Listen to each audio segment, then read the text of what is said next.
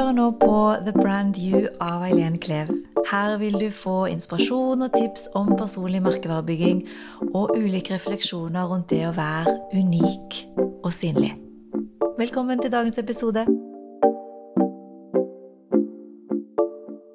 I dag har jeg gleden av å være hos Saltspring og intervjue Elisabeth Noreng. Velkommen til podkasten, Elisabeth. Tusen takk. Det er veldig hyggelig å ha deg her. Du har fascinert meg veldig, og jeg gleder meg veldig til dette intervjuet. Det sånn grugleder meg litt. Men det som har fascinert meg veldig med deg, er den der reisen du har hatt med å være totalt ukjent for mange, til å bli kjent. Kanskje igjen, så til og med kjent på gata, om du vil. Til, og, og også den reisen med å gå fra, som du sier selv, jeg har sagt tidligere, at du har vært sjenert, til å nå fremstå så trygg og tydelig. Og ikke minst at du har klart å ta det rommet sammen med prinsesse Märtha Louise som allerede var kjent, og likevel tatt den plassen og blitt så trygg og tydelig sammen med en sterk personlighet allerede.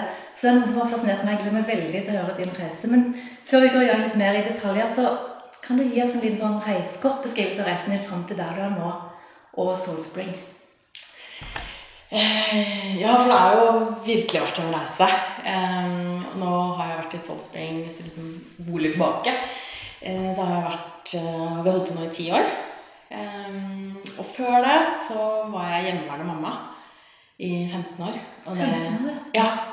Uh, jeg har fire barn, og jeg syns det å være hjemme med de var uh, helt fantastisk.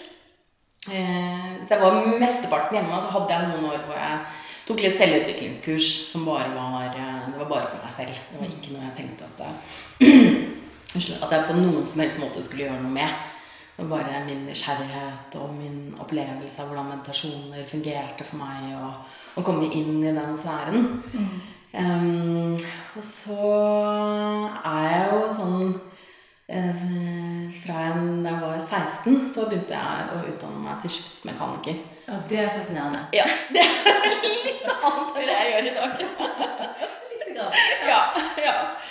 Uh, og det er en litt sånn kombinasjon at jeg kommer fra en sjøfartsfamilie. Og at jeg hadde en sånn vanvittig eventyrlyst og reisetrang.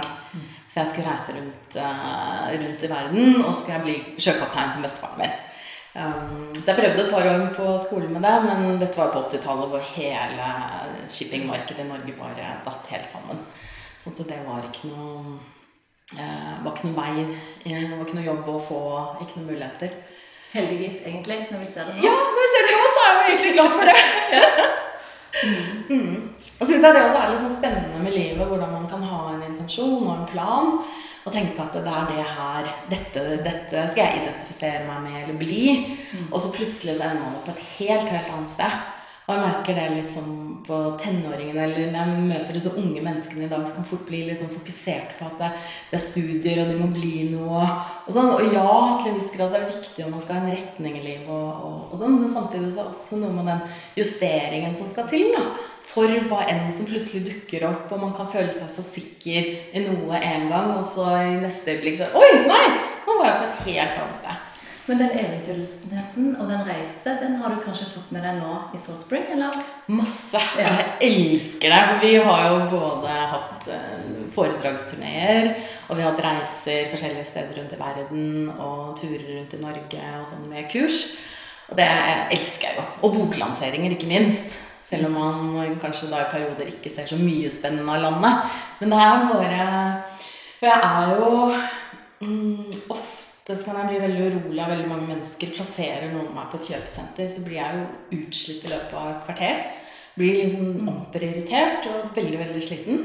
Plasserer meg på Gardermoen, jeg blir så rolig. Går jeg helt på ah. plass. Ja, og flyplasser. Det er liksom noen som sier 'Å, det er fire timers mellomlanding'. Ja, og så da? Det går helt fint. For da er det et eller annet med at alle er underveis.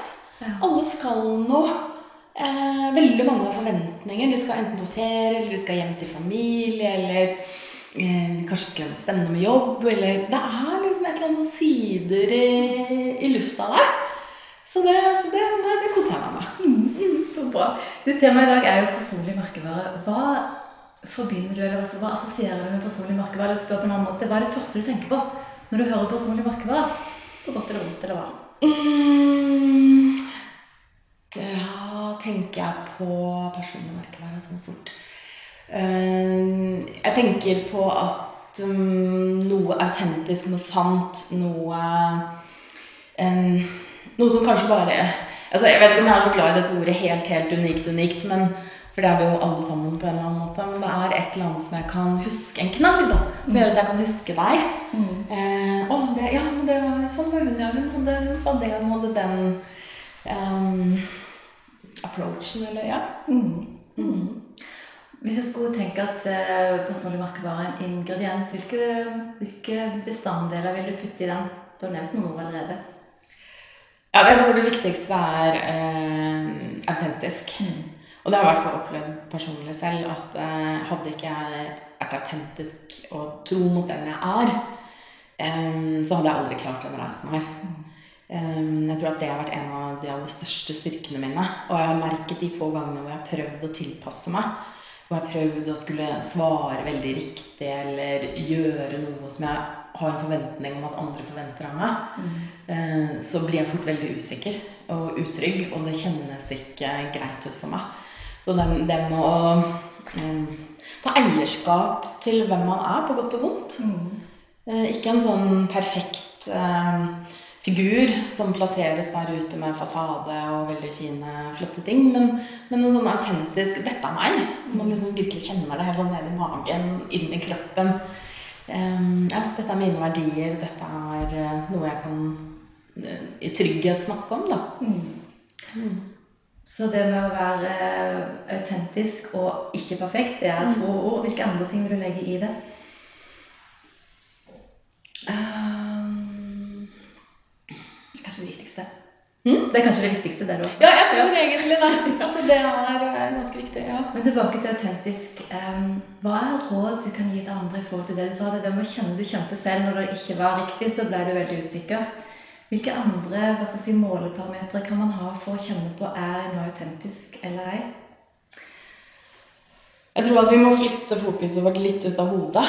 eh, og flytte det inn i hjertet og inn i kroppen. Jeg tror kroppen vår forteller oss eh, fryktelig mye om vi er på riktig sted eller ikke riktig sted. Um, du kan ikke måle det ut fra om du har sommerfugl i magen, for det får vi jo fordi vi er spent eller et eller annet. Men vi, det skal ikke så veldig mye kroppsforståelse til for å gjenkjenne om du er på riktig sted eller ikke.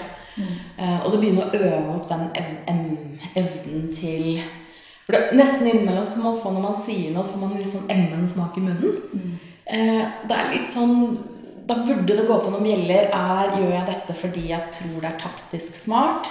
Fordi jeg har en agenda, eller fordi egoet mitt bare pusher meg et eller annet sted? Eller er det fordi at dette faktisk er sant i meg? Den, Er det noe du bare alltid har kunnet, eller har du lært deg det over tid? Det å kunne kjenne noe på kroppen og vite selv at du er autentisk. Har du vært det fra du var liten av, eller er det noe som har kommet seg mer i de siste årene? Jeg har, eh, har nok hatt det, men jeg har ikke bestandig lyttet til det. Eh, jeg har eh, Jeg har egentlig tenkt litt på det siste. Jeg har vært alltid eh, Det gjør vi alle. Vi søker jo tilhørighet. Vi søker eh, ja, barne- og ungdomstid og voksentid. Så søker vi jo på et sted å finne en flokk. Samtidig som jeg er ganske dårlig på å gå i flokk. Eh, Jeg kan fort bli ustyrtelig kompromissløs. Når jeg kjenner at eh, nå begynner jeg å skal på en måte tilpasse meg noe som ikke egentlig kjennes helt sant for meg, da kan jeg fort bli litt sånn Nei, det passer meg ikke. Da, da trekker jeg meg. For jeg har ikke noe problem med da å være alene. Og så på utsiden er det ikke så farlig for meg. Jeg er ikke så redd det. Eh, Så jeg tror veldig mange kjenner på at med en gang man blir stående litt på utsiden, så er det kjempeskummelt. Om det er bare arbeidslivet eller om det er privat. Um, men jeg tror ikke det er så farlig, for at med en gang du står litt på utsiden, så er du også Kanskje fordi du er tak i noe som er sant for deg, da. Og du nevnte også innledningsvis dette med, eller i forbindelse med autentisk, eh, dette med unik. Um, og du sier vi alle er jo unike. Hva legger du i det at alle er unike? Jeg likte det veldig godt, men jeg ble det Ja. Um, nei, jeg tror at vi På et sted så er vi kanskje likere enn vi liker å tro. Samtidig som hver og en av oss uttrykker oss på helt vår spesielle måte. Eh, Vi kan ha helt samme Vi kan oppleve noe helt det samme. Eh, Og så har du din opplevelse og jeg har min opplevelse. Det er ikke noe, øh, det er ikke noe sånn at du, mm, det du opplever, er sant, mens det er feil for meg. Eh, Det er jo mer at det er riktig for oss begge to, selv om vi har sett det samme, opplevd det samme, men har to helt forskjellige opplevelser av det. Og det tror jeg har noe med den unikheten og at vi forvalter egenskaper, vi forvalter følelsene våre, vi forvalter eh, mulighetene våre på vår helt spesielle måte. Eh, og jeg opplever den unikheten ikke som en sånn pidestall jeg er bedre enn andre-energi, men mer en sånn at vi kan skape sammen, vi kan være sammen, vi kan danse sammen. Men allikevel så er jeg unik, og du unik i vår Ja. Veldig bra, bra sagt. Hvis du skal beskrive unik og det med å være autentisk eh, som en farge Som en farge. mm. Mm. Hva er det som Mm. kommer først til deg da? Hvilken farge? Eh, Det er en sterk ametyst. Lilla ametyst. Hva legger du i den fargen? Jeg legger i integritet. Eh, Jeg legger eh, sannhet, klarhet, visjoner. Og jeg legger Det er en eller annen uendelighet, eller en type åpning i det. Mm. ja. Det å være autentisk eh, og unik, eh, om du vil, er det noe som føles lett eller tungt for deg? For meg føles det lett. Ja. Jeg blir veldig tung når jeg må Eller når jeg må. eh, Når jeg Tror du må? tror jeg må, og ta på meg en, en frakk som jeg føler ikke er min. Ja. Jeg, blir helt sånn, jeg blir tung i kroppen, jeg blir litt livløs, jeg mister litt Jeg blir litt sånn å si nå hørtes det ut som jeg beskrev deprimerte trekk. Ja, jeg blir litt Jeg mister meg selv. Men det er kanskje også et tegn man kan ta med seg når man kjenner den tungheten i kroppen, og da er man kanskje ute av sin eh, unikhet eller sin autentiske plass. Da. En annen ting som går igjen i merkevarebygging, det er jo dette med perfekt. Og du sa jo egentlig innledningsvis litt om det, men hva, hva tenker du om det med nå i sosiale medier, når man skal bygge personlig merke, enten man er gründer eller man er en jobbsøker, så er man litt sånn opptatt av det der hva, hva viser jeg utad. Og det kan lett gå i fellen med å tro at man må være litt mer polert perfekt. Hva tenker du om det? Jeg blir litt sånn Noen ganger jeg, jeg tenker at vi blir så homogene. Og det blir litt øh, Da blir ting litt sånn blast for meg. Jeg tror det der Ikke nødvendigvis at man skal rådyrke en Jo, hvis man føler at man skal det, så skal man jo det, liksom bli helt sånn ja, Gå helt ut eh, totalt off mainstream. Eh, men prøve å finne ut litt eh, Jeg tror at hvis du liksom, hva, Hvordan kan du uttrykke ut det som er sant for deg? Um, hvordan det Og jeg, jeg, jeg tror at jeg vet ikke, Vi har kanskje alle opplevd det at du går inn i en butikk, og så bare må du ha den genseren. For den har den fargen at du bare kjenner at du bare må ha den. For det er et eller annet i den fargen, den energien, som du må ha. Og så kan det gå to måneder, og så bare sånn Oi, hvorfor kjøpte jeg den? Eh, den er jo egentlig ikke meg. Men fin, se litt inn, inn i ja, hvordan man kler seg, hvordan man ter seg, hvordan man fremstiller seg. Har det samsvar med hvem du føler at du er her inne, i forhold til det du presenterer ut? Jeg tror man blir så Jeg blir i hvert fall veldig fort usikker på mennesker som på et sted har kledd seg opp nesten som en kostyme, tatt på seg klær som egentlig ikke de føler seg komfortable i. Eh, og så blir det en sånn deling for meg. Det blir noe i mennesket her inne. Og så blir det disse klærne som har et annet signal. Og så blir det sånn Ok, men hvem er du? Ja. Hvor er du? Kan jeg stole på deg? Kan jeg finne deg? Hva er det du prøver Hva er det du egentlig prøver å fortelle meg? Men når de to tingene henger i hop, hvem vi er Vi har jo et ytre som de aller fleste på en eller annen måte Enten så har du en approach at du ikke bryr deg, eller så bryr man seg. Og alt er jo egentlig et valg i forhold til hva vi signaliserer ut. Men jeg tenker at uansett om det er sant med det som fins, den du er her inne, som du gjenkjenner at du er Hvordan har det vært for deg? Har det vært enkelt å få mer ut det som er på innsiden? Jeg ble fascinert av er jo at du nevner selv at du har vært litt sånn sjenert og tilbaketrukken. Og det jeg har sett av deg med, på sidelinjen i media, sånn, virker jo helt motsatt. Så hva liksom, hva har vært din reise for å på en måte vise enda mer av det som er på innsiden, til så mange? Det er sånn, Helt sånn på utsiden så hadde jeg litt når, når vi begynte for ti år siden, så gikk jeg sånn litt sånn bonderomantiske klær. liksom noe av Noah-stil òg. Liksom, litt søt og litt Alle er sånn 'Å, du er så englete'. nå har jeg nok funnet mer tak i den litt kvinnestilen min. Um, det kom akkurat det med Fordi jeg har assosiert meg selv som et sjenert hele livet, og ofte hørt det. Mm, det får liksom merkelappen, ja. da blir det forsterket. Ja. Mm. Jeg hørte det fra familie, fra skole. Sånn type høytlesning i klassen. Jeg mistet jo stemmen min. Um, sitte i møter Hvis det var mer enn to-tre stykker, så hadde jeg følt at jeg ikke hadde noe å si. Eh, foreldremøter Alle sånne arenaer var veldig krevende for meg. Mm. Og så har jeg oppdaget at uh, jeg syns det er kjempegøy å snakke til folk. Jeg syns det er en sånn full sal å snakke sånn, og jeg blir helt trygg og på plass. Og um, jeg blir veldig levende av det. Mm. Um, så det Jeg husker da vi begynte for ti år siden, så hadde vi en gruppe med elever. Jeg tror de var 25. Og da hadde jeg bare gått fra å snakke til to-tre stykker til de 25. Og så ble jeg liksom trygg på det. Mm. Holdt jeg vel på med det et par år, og så ga vi ut den første boken. Og så skulle vi holde et foredrag om den boken, og da kom det 1000 mennesker. Og det tror jeg på et sted var litt lurt for meg. For da måtte jeg bare hoppe i det. Og så var det gøy. Jeg kjente at oi, dette her var veldig overraskende. At dette var så moro. At jeg ble så trygg. Um, så være seg direkte som TV eller type opptredener som det og sånn. Det bare Ja, det er uh, Men jeg har ikke Jeg vet ikke hvorfor. eller hvilken For det var ikke noe jeg jobbet bevisst med. Mm.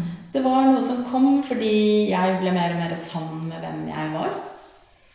Fascinerende. Jeg møter jo veldig, og jeg kjenner det selv òg, men jeg møter også veldig mange som, som opplever det litt utfordrende å eh, stå foran forsamlinger og snakke. Alt alltid fra om det er forsamlinger bitte lite på et jobbintervju, til å lage en Facebook Live-video eh, der det er litt flere som kan se det.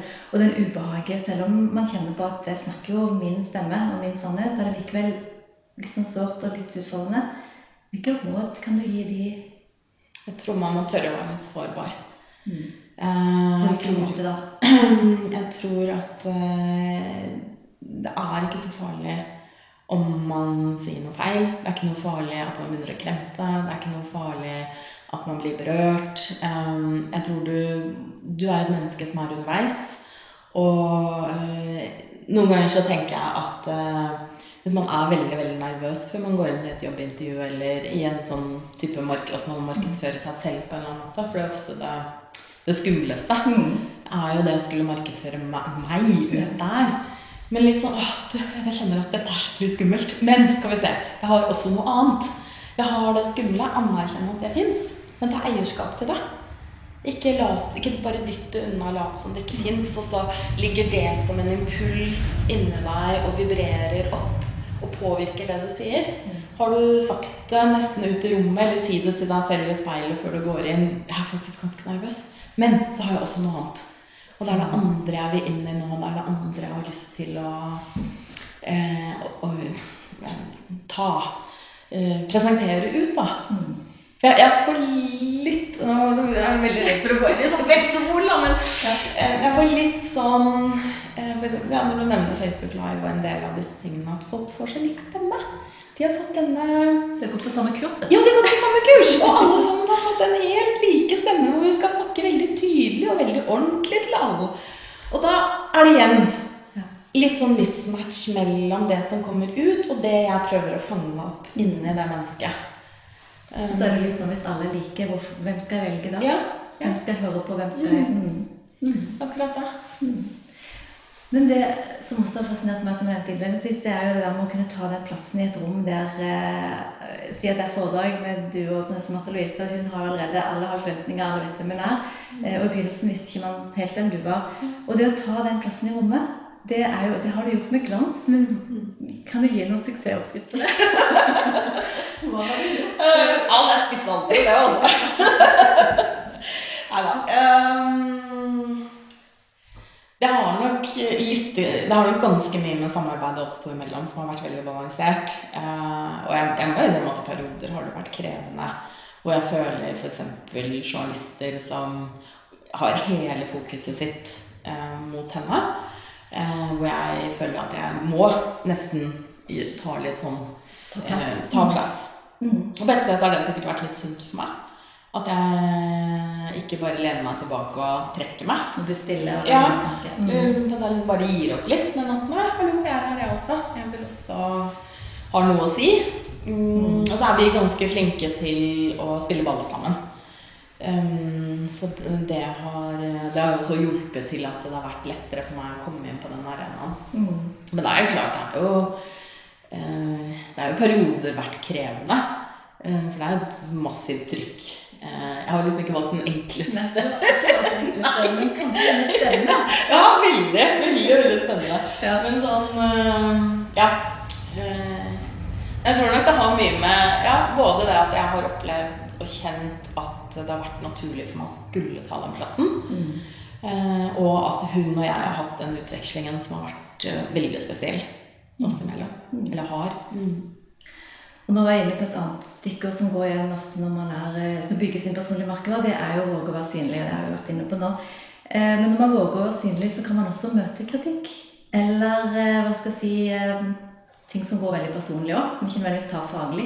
Har du opplevd det også? At ikke det er bare det faglige de tar, men også deg som person? Ja. ja. Noen ganger? Ja, Ja. jeg har gjort det. Hvordan klarer du å komme over hvis du Nå har du fått veldig mye medieomtale innimellom, eller begge to har fått det egentlig. Eh, hvordan klarer du å komme gjennom den stormen som av og til kan være veldig usaklig og, og kanskje sårende? Jeg vet ikke. For meg så blir eh, På et sted så er jeg supervar for kritikk, men det er ofte jo nærmere mennesker kommer meg, eh, jo mer sårende er kritikk for meg. Eh, Kan jeg bli hårsår i forhold til det. Jo lenger ut, jo mer perifert. Eh, ikke ta meg ikke så mye nær av det. Um, så, så mye av den kritikken som har vært i pressen, holder jeg litt, litt på avstand. Eh, Jeg tenker at det blir litt tabloid. Um, og jeg tenker at vi har veldig mye forskjellige oppfattelser av hvordan livet er, og hvordan livet leves, og hva som er godt og hva som er bra. Og noen kjenner seg igjen i dette, og andre kjenner seg igjen er kanskje mye mer hodestyrt. Vi er jo ikke Selv om vi er mennesker, så er vi jo igjen ikke like. Um, sånn at det, det går ikke så veldig innpå meg det. Men når det F.eks. hvis det er nærere mennesker som kritiserer, elever som ikke forstår, eller altså det kan være mange, mange forskjellige ting, um, så må jeg jo bare jobbe med det. Jeg kjenner jo at jeg kan bli lei meg og såret innimellom. Og da er det igjen den der Ta eierskap til det òg. Det er ikke noe, det er ikke noe stakkars meg at uh, uff, noen er uenig med meg.